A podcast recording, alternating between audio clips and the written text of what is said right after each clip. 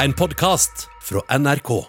Det har kanskje hendt at du har skada deg, fått kink i ryggen eller vondt i et kne eller skulder, og da strømmer venner og bekjente til med gode råd. Du må komme deg til kiropraktor.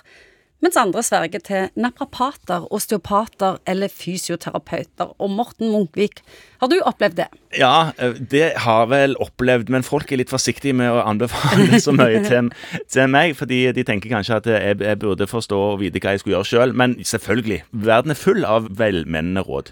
Har du prøvd noen av de jeg nevnte nå, disse yrkesgruppene? Jeg har jo vært i kontakt med og jobba mye sammen med både fysioterapeuter og kiropraktorer opp igjennom, så jeg har litt kompetanse. Og er det noe, så spør jeg på en måte hvordan de ville gjort det. Men du har aldri prøvd en kiropraktor eller fysioterapeut? Nei, har ikke det. Yes.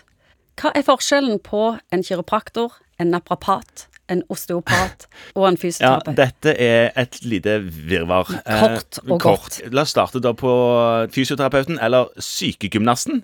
Som det begynte som. Det begynte jo som at leger, særlig ortopeder og sånn, trengte en som kunne trene opp pasienten etter at de hadde gjort en eller annen knokkeloperasjon. Så det var, det var fysioterapeut. Det ble fysioterapeuten. Ja, hva det går i, da? Ja, Det går jo i å forebygge sykdom eh, og opptrening etter skader og ulykker og behandlinger. Det er en masterutdannelse i eh, Nei, det har de ikke. De har en bachelorutdannelse. Være konkrete på hva de kan. De kan bein, ledd og muskler.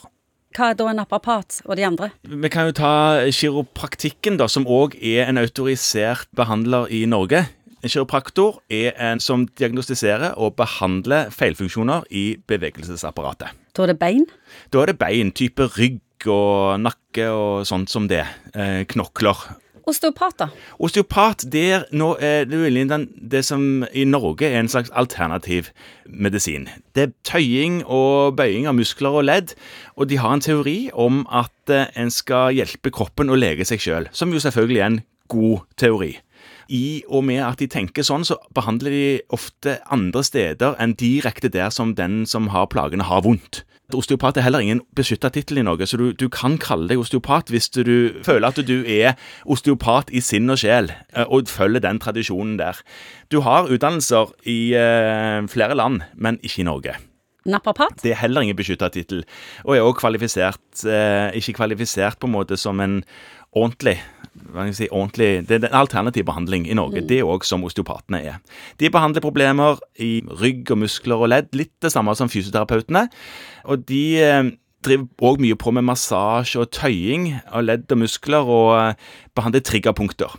Går det an å si noen forskjell da på en naprapat og en fysioterapeut? Eh, ja, altså, hvis du setter de eh, Hvis du hadde hatt en av hver her i studio, så ville de sikkert eh, sagt at jeg jobber sånn, og jeg jobber sånn, men dette her er relativt uhomogene grupper òg.